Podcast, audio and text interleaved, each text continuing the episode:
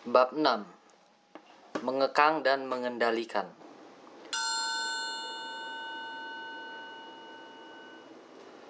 Hari ini ada spanduk besar di muka ruang kelas museum kami yang sudah dibentangkan ketika pameran yang dirancang oleh Pak Torsov itu akhirnya sudah betul-betul siap. Pada spanduk itu terbaca pengekangan dan kesempurnaan. Tapi Pak Torsov tidak segera membicarakan itu. Ia bertanya apakah kami ingat latihan orang gila. Suatu improvisasi yang sukses. Dalam latihan itu dengan meyakini bahwa pasien rumah sakit jiwa yang kabur berada di balik pintu. Waktu itu kudapati diriku di dalam kolong meja menggenggam asbak berat sebagai sarana membela diri. Setelah merinci suatu dalam adegan latihan kami itu, Pak Tosok menyuruh kami mengulanginya. Kami para siswa merasa senang karena kami sudah ingin sekali bermain lagi dan terjun ke dalam improvisasi itu dengan mencurahkan seluruh tenaga. Kami seakan sungguh-sungguh berada di apartemen Maria dan yakin bahwa penghuni sebelumnya yang telah menjadi gila dan sering mengamuk sedang bersembunyi di sana. Masalah bagaimana cara orang itu nanti berusaha lolos dari kepungan dan penyergapan pun menjadi nyata. Dan ketika Fanya yang bertugas menjaga pintu supaya tetap tertutup, tiba-tiba melompat. Kami menghambur. Yang perempuan menjerit dengan rasa takut yang sungguhan. Kami memerlukan waktu cukup panjang untuk bisa menata naluri kami untuk melindungi diri. Barulah kemudian kami mendapat ide untuk membuat rintangan di luar pintu dan menelpon rumah sakit. Pak Torsov memuji kami, tapi tanpa gairah. Kami mencoba berdalil bahwa kami sudah lama tidak memainkan dan lupa detailnya. Tapi ketika kami ulangi improvisasi itu, Pak Torsov tidak berubah. Bagaimana Pak? Tanya kami. Apa yang Pak Torsov ingin dari kami? Seperti yang sering dilakukan, Pak Direktur menjawab pertanyaan kami dengan ilustrasi yang bagus dan jelas. Ia berkata, Bayangkan di hadapan kalian ada lembar kertas putih yang dipenuhi garis-garis saling-saling dan bercak noda. Bayangkan lebih lanjut bahwa kalian diminta untuk membuat sketsa pensil yang lembut di atas kertas itu. Pemandangan atau potret. Untuk melakukannya, kalian harus lebih dahulu membersihkan kertas itu dari begitu banyak garis dan titik, yang kalau semuanya itu masih di kertas tadi, gambar kalian akan kabur.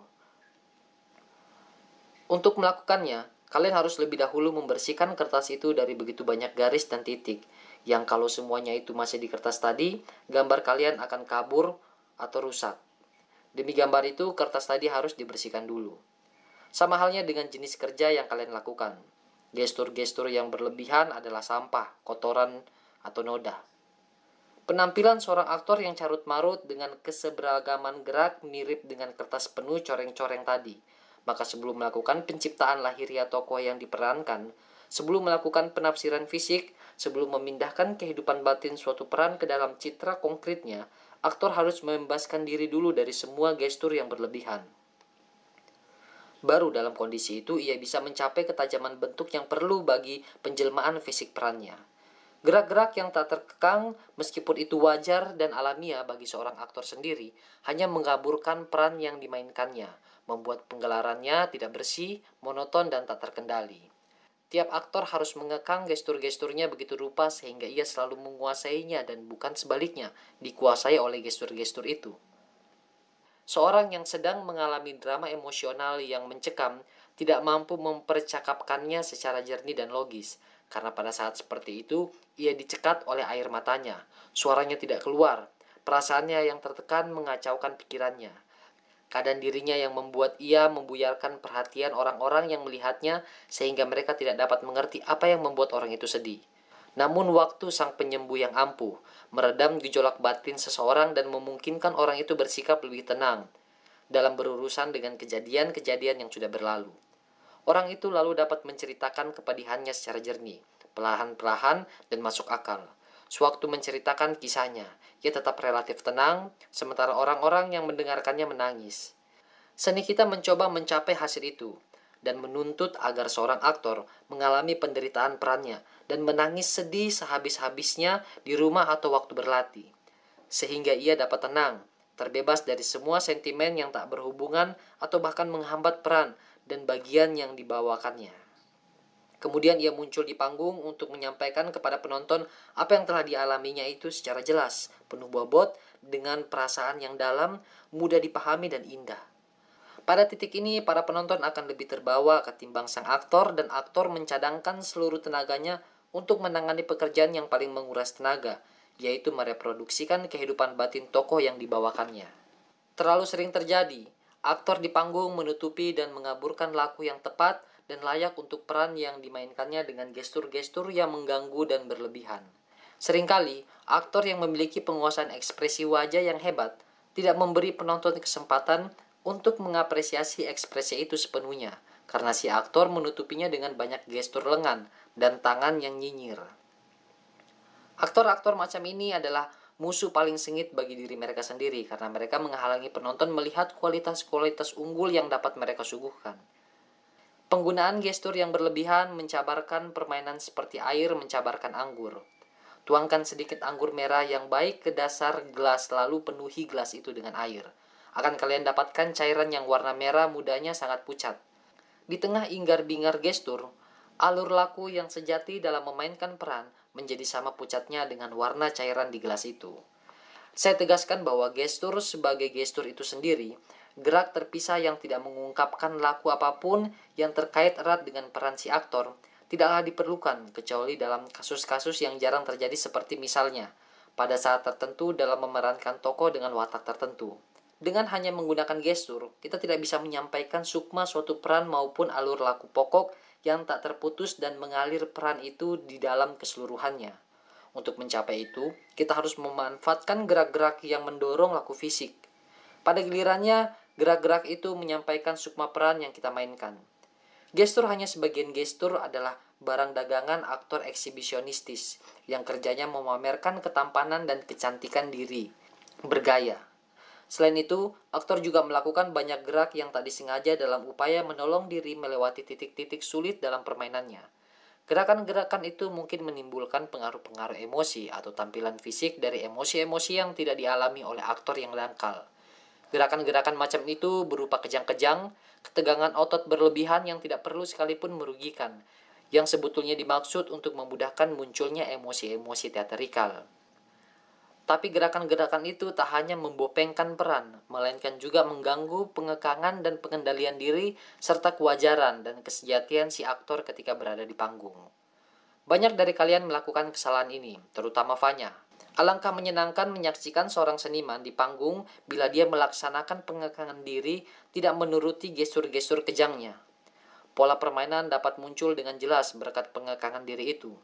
Gerak-gerik dan laku tokoh yang sedang dibawakannya menjadi sangat kuat dan menarik bila tidak dikaburkan dengan gestikulasi yang berlebihan, tak relevan, dan semata-mata teaterikal. Ini satu hal lagi tentang berlebihan itu.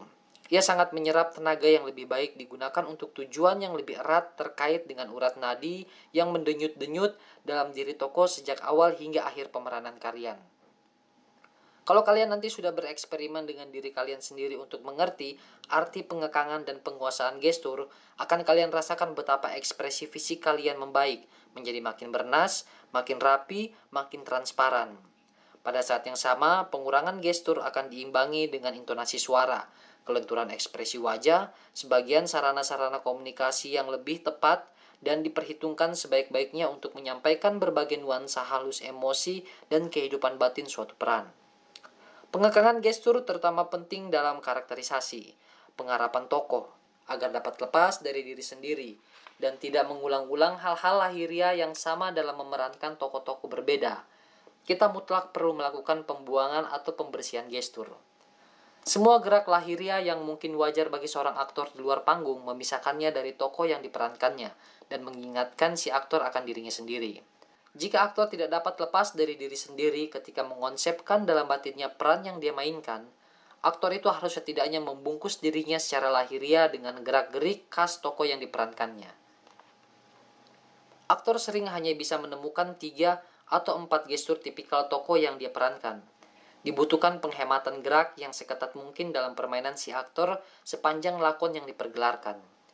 Pengekangan sangat membantu di sini tapi jika tiga gestur tipikal itu tenggelam di tengah gestur gerak-gerak kecil personal yang terkait dengan pribadi, sang aktor sendiri dan bukan perannya, topeng yang telah dikenakan akan tergelincir copot dan wajah keseharian si aktor yang akan tersingkap. Selain itu, jika hal ini terjadi pada setiap peran yang dimainkannya, maka hasilnya adalah efek yang sangat monoton bagi penonton. Aktor juga tidak boleh lupa bahwa gestur tipikal membantu mendekatkannya kepada tokoh yang dibawakannya, sedangkan timbrungan gerak-gerik pribadi memisahkan dari tokoh tersebut dan mendorong aktor ke arah emosi-emosi yang sepenuhnya pribadi. Kadang demikian tidak mungkin memenuhi tujuan lakon maupun peran, sebab yang diperlukan adalah emosi-emosi yang analog, bukan emosi-emosi pribadi. Gestur-gestur khas tokoh tentu jangan terlalu sering diulangi, supaya tidak kehilangan daya pengaruh dan jadi membosankan. Semakin aktor melaksanakan pengekangan dan pengendalian diri dalam proses penciptaan ini, semakin jernih bentuk dan gambaran peran serta semakin kuat pengaruhnya terhadap penonton. Keberhasilannya akan lebih besar seperti juga keberhasilan pengarang lakon yang karyanya hanya bisa sampai ke masyarakat yang lebih luas melalui keberhasilan aktor, sutradara, dan seluruh upaya kelompok yang menyumbangkan bakat dan kerja mereka untuk menggarap pergelaran. Suatu hari, ketika pelukis terkenal Beryulov sedang mengkritik salah satu karya seorang muridnya. Ia mengambil kuas untuk membersihkan satu sentuhan saja di atas lukisan yang belum selesai. Lalu gambar dalam lukisan itu seketika menjadi hidup. Si murid terkejut menyaksikan keajaiban ini. Tantangan hal ini, Beryulov menjelaskan, seni berawal dengan sentuhan-sentuhan paling kecil.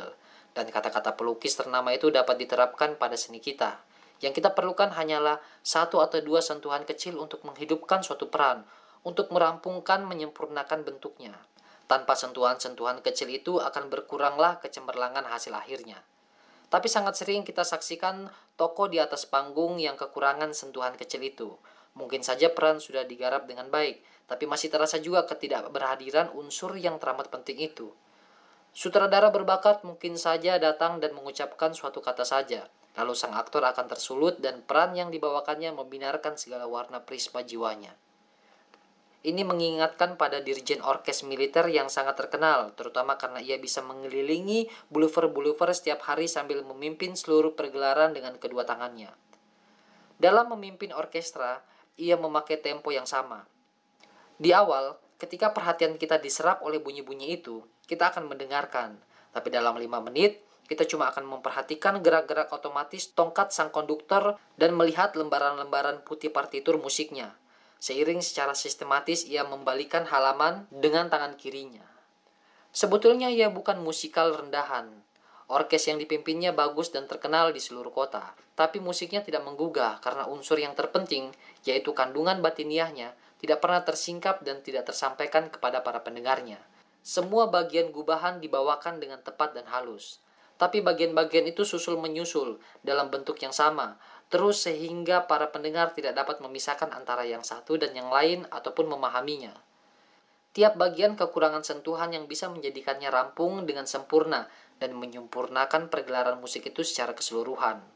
Ada banyak aktor yang membawakan peran dengan cara seperti itu, melabrak saja lakon yang dimainkannya, dengan sapuan yang sama tanpa peduli perlunya sentuhan yang memberikan kesempurnaan.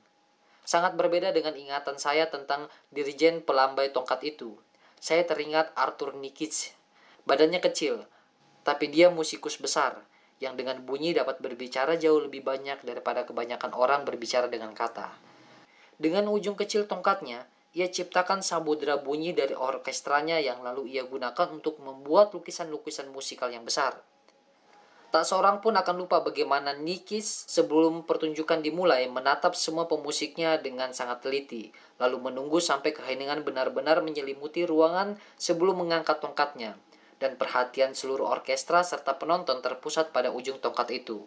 Pada saat itu tongkatnya berkata, perhatikan, simak, aku sudah akan mulai. Bahkan pada saat persiapan ini, Nikits memiliki sentuhan gaib yang dengan begitu indah menyempurnakan setiap geraknya. Bagi Nikits ada sesuatu yang berharga dalam setiap nada penuh, setiap nada setengah, nada seperdelapan, dan nada seperenam belas. Setiap titik dan nada jamak yang secara matematis tepat, nada-nada natural yang manis, disonansi dan harmoni. Semua itu ditampilkan olehnya dengan sangat enak, sangat dinikmati, tanpa takut kecapaian. Nikits tak pernah terlewatkan memperhatikan suatu bunyi pun, tak pernah gagal memberikan nilai penuh. Dengan tongkatnya, ia menimba segala yang dapat dikurasnya dengan instrumen-instrumen musik dan dari jiwa para pemusik. Sementara itu, tangan kirinya bergerak mengerjakan pewarnaan ekspresi laiknya pelukis memainkan kuas. terkadang memperlembut dan melambatkan musik, di saat lain mengangkat dan mempercepatnya. Betapa hebat pengekangan diri yang dimilikinya. Di samping ketepatan matematisnya, yang bukan saja tak mengganggu, melainkan justru mendorong, mengalahkan inspirasinya. Tempo-temponya berada pada tataran ketinggian yang sama. Bagian lento, bagian lento sama sekali tidak dibawakannya secara monoton membosankan. Dipanjang-panjangkan seperti yang disuguhkan oleh dirjen musik militer dengan bantuan ketukan metronom. Tempo lambat Nikits membuat tempo-tempo cepat di dalamnya. Dia tidak pernah memburu-buru atau menunda-nunda musiknya. Baru pada bagian akhir, ketika semuanya telah terucap, Nikits akan mempercepat atau melambatkan tempo untuk menyusul atau melunasi tempo yang sebelumnya ditahan atau mengembalikan apa yang sebelumnya dengan sengaja dibiarkan diserobot oleh tempo yang cepat. Untuk itu, ia telah menggarap sebuah frasa musikal dengan tempo baru. Ia seolah berkata, jangan buru-buru. Ungkapkan semua yang tersembunyi dalam musik. Kini kita sampai pada puncak frasa itu. Siapa bisa meramalkan bagaimana ia memuncakkan ke seluruh gubahan yang sedang dipergelarkannya? Apakah dengan gerak baru yang lambat dan hebat? Atau sebaliknya, akankah ia memberikan akhir yang berani, cepat, dan penuh tekanan? Berapa banyak dirjen yang tahu bagaimana menembus masuk, menaksir dan menangkap nuansa-nuansa lembut sebuah lagu dan melakukan apa yang diperbuat Nikits dengan kepekaan semacam itu tidak hanya memilah-milih nuansa, melainkan juga menyampaikan dan membuatnya jelas bagi publik. Itu berhasil dicapai Nikits karena karyanya ditampilkan dengan pengekangan yang sangat baik dan penyempurnaan yang cerdas dan tajam. Kadang-kadang contoh dengan perbandingan yang berkebalikan dapat meyakinkan kita. Saya akan menggunakannya di sini untuk menunjukkan kepada kalian arti dan nilai dari kesempurnaan atau kerampungan di dalam bidang kerja kita. Kalian semua tahu jenis aktor petasan, yang banyak kita lihat dalam pergelaran lawak, fars, aneka ria, dan komedi musikal. Mereka selamanya harus riang, membuat publik tertawa, terus melangkah-langkah dengan lincah. Tapi orang sulit untuk riang seperti itu ketika sedang sedih di hati. Maka mereka mengandalkan rutinitas lahiria. Cara paling mudah untuk mencapainya adalah tempo dan irama lahiria. Aktor-aktor jenis ini mengucapkan kalimat mereka cepat-cepat dan ngebut saja dalam membawakan lagu mereka. Seluruh pergelaran diaduk menjadi suatu kesatuan penuh kekacauan yang memerangkap penonton sehingga mereka tak dapat melepaskan diri dari kekusutan itu. Akan kalian lihat di sini bahwa tak ada apa pun yang ditahan, tak ada pengekangan, tak ada kesempurnaan. Di antara kualitas-kualitas terbaik para seniman teater yang mencapai jenjang tertinggi adalah pengekangan dan penyempurnaan. Saat kalian mengikuti cara mereka mengurai suatu peran di depan hidung kalian dan menyaksikannya tumbuh, kalian serasa sedang menyaksikan perbuatan ajaib melahirkan mahakarya seni. Karya-karya jenius teater seperti Tommaso Salvini adalah karya-karya abadi. Seniman-seniman besar macam dia mengawali pembentukan suatu tokoh terkadang dengan ketenangan yang memperdaya pada babak pertama dan terus berkembang pada babak-babak berikutnya untuk melengkapkan sosok peran itu sedikit demi sedikit, perlahan-perlahan, tenang dan pasti. Ketika seluruh bagian digabungkan dan terpasang utuh, kita dapatkan karya besar abadi yang dibangun dari gairah manusia, kecemburuan, cinta, kengerian, dendam, amarah. Hal itu mustahil tanpa pengendalian dan pengekangan. Seorang pematung mewujudkan impiannya lewat perunggu. Seorang aktor menggarap impiannya akan suatu toko yang diwujudkan melalui bawah sadarnya, keadaan kreatif batinnya, teks bawah, dan sarana utama perannya, dan menghidupkan peran dengan suaranya, gerak-geriknya, dan kekuatan emosinya yang diarahkan oleh kecerdasannya.